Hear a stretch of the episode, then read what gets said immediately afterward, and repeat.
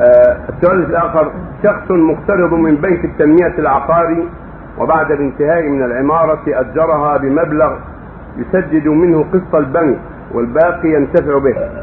فهل عليه زكاة في الإيجار كاملا أم في الباقي من الإيجار بعد تسديد البنك أم ليس عليه شيء؟ لكونه عليه دين من البنك. إذا سدد إذا أجر الإنسان عمارة له أو فيلا له بناها من البنك أو بناها من ماله وعليه ديون أجاب عليه. فعليه أن أن يزكي المال الذي بيده من التأجير إذا حال عليه الحول. ولا يمنعه الدين الذي عليه البنك أو لغير البنك. هذا هو الصواب. بعض أهل العلم يقول إن الدين يمنع الزكاة في مقداره. لأنه لأنها مواساة فلا يوافي عن مال قد قابله الدين. ولكن هذا رأي يقابل يقابل النصوص ويصادمها في الظاهر فلهذا الصواب أنه لا يعتبر. قد كان النبي صلى الله عليه وسلم يبعث عماله عماله إلى الناس لأخذ الزكاة.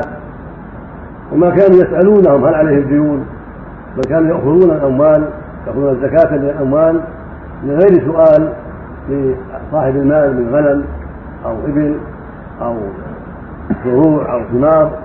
ياخذون منه الزكاة ولا يسالون هل عليه دين ام ليس عليه دين.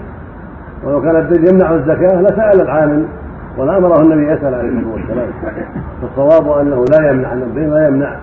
فإذا أجر العمارة أو الفيلا التي للبنك فيها دين إذا أجرها بمئة ألف مثلا ثم حال الحمل على هذا على هذه الأجرة قبل أن يوفيها الدين قبل أن يوفيها البنك قبل أن يصرفها فإن عليه زكاة أما إن أوفى الدين الذي عليه أو أنفقها في حاجاته قبل أن يتم الحول فلا زكاة عليه.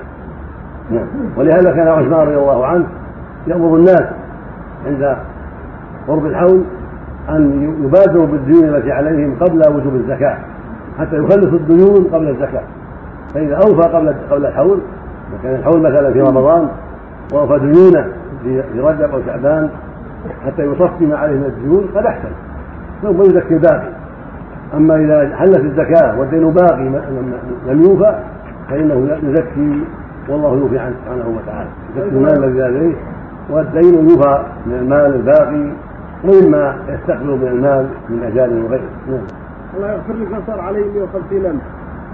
الزكاة على من؟ ولا ما استطيع وفاءها. أو اللي وجدها وصاحبها لم يستوفيها. من من تكون عليه زكي المال اللي عندك إذا كان عليك ديون 150 ألف أو أكثر.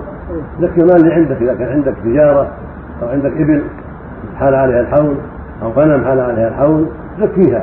والدين في ذمتك يبقى في ذمتك حتى تؤدي. طيب هل أدفع عن الزكاة الدين؟ الدين مو ممتاز عن صاحبه. صاحب الدين هو يزكي يعني إذا كنت بريئا زكيه وانت غير يزكي شيخ عفى الله عنك لو واحد أخذ بالرأي الآخر اللي يقول ما فيها زكاة ليس بصحيح. هل يأثم؟ ليس بصحيح. إذا عرف الحجة ما هو صحيح.